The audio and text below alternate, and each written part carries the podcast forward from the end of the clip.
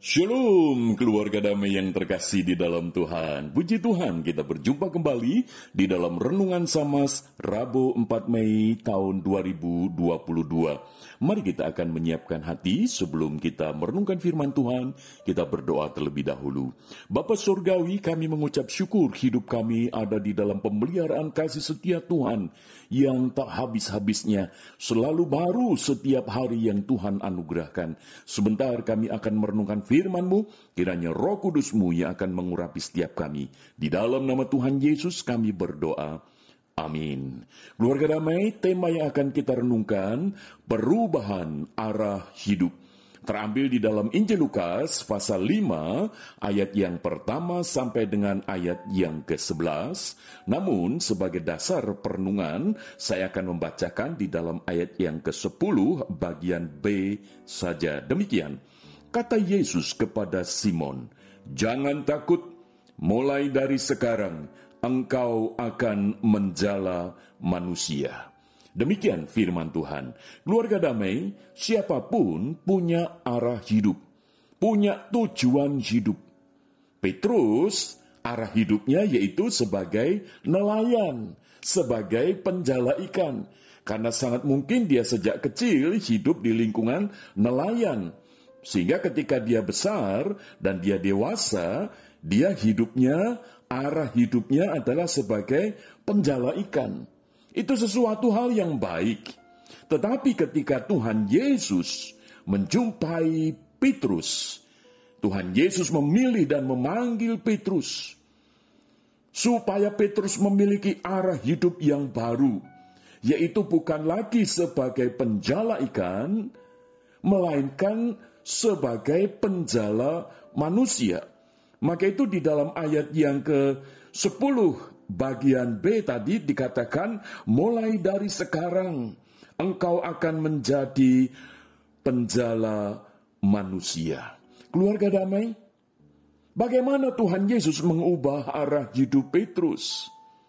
Paling tidak dari perikop yang kita baca, kita bisa menemukan bahwa melalui kegagalan yang dialami oleh Petrus, yaitu ketika semalam-malaman mereka bekerja keras sebagai nelayan gagal, tidak memperoleh satu ekor pun. Itu di dalam ayat yang kelima jelas di sana dikatakan ketika Petrus disuruh menangkap ikan oleh Tuhan Yesus, Petrus itu berargumentasi, "Guru, telah sepanjang malam kami bekerja keras dan kami tidak menangkap apa-apa. Keluarga damai, siapa pun juga di dalam menjalani arah hidupnya bisa jadi mengalami kegagalan, bukan? Siapa pun. Petrus pun juga mengalami kegagalan sebagai penjala ikan, sebagai nelayan. Padahal pengalaman, pengetahuan, fasilitas pada saat itu sudah cukup memadai tetapi toh juga bisa gagal. Namun di dalam Tuhan Yesus, justru Tuhan Yesus memakai kegagalan itu untuk memanggil, untuk mengubah arah hidup daripada Petrus.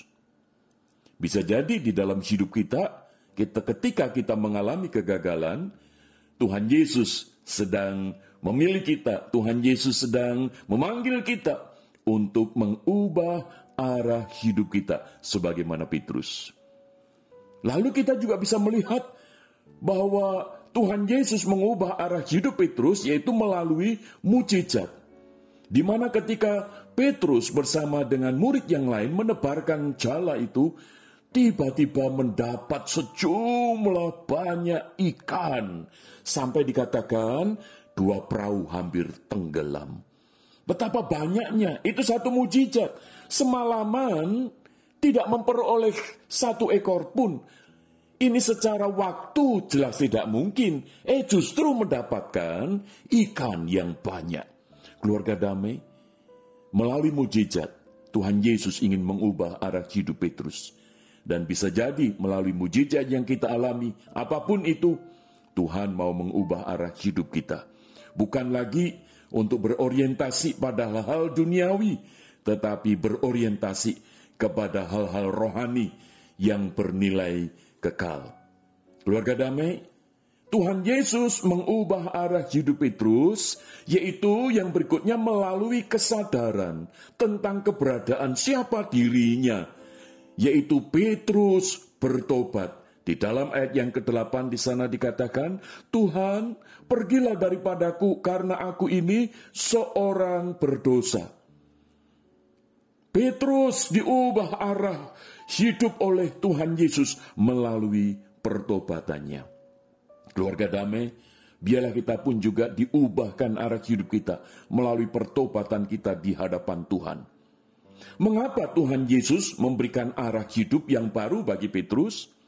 Karena yang pertama ada rancangan Tuhan yang bernilai kekal yang Tuhan mau genapkan melalui Petrus. Tidak salah ketika Petrus sebelumnya sebagai nelayan yaitu menjala ikan.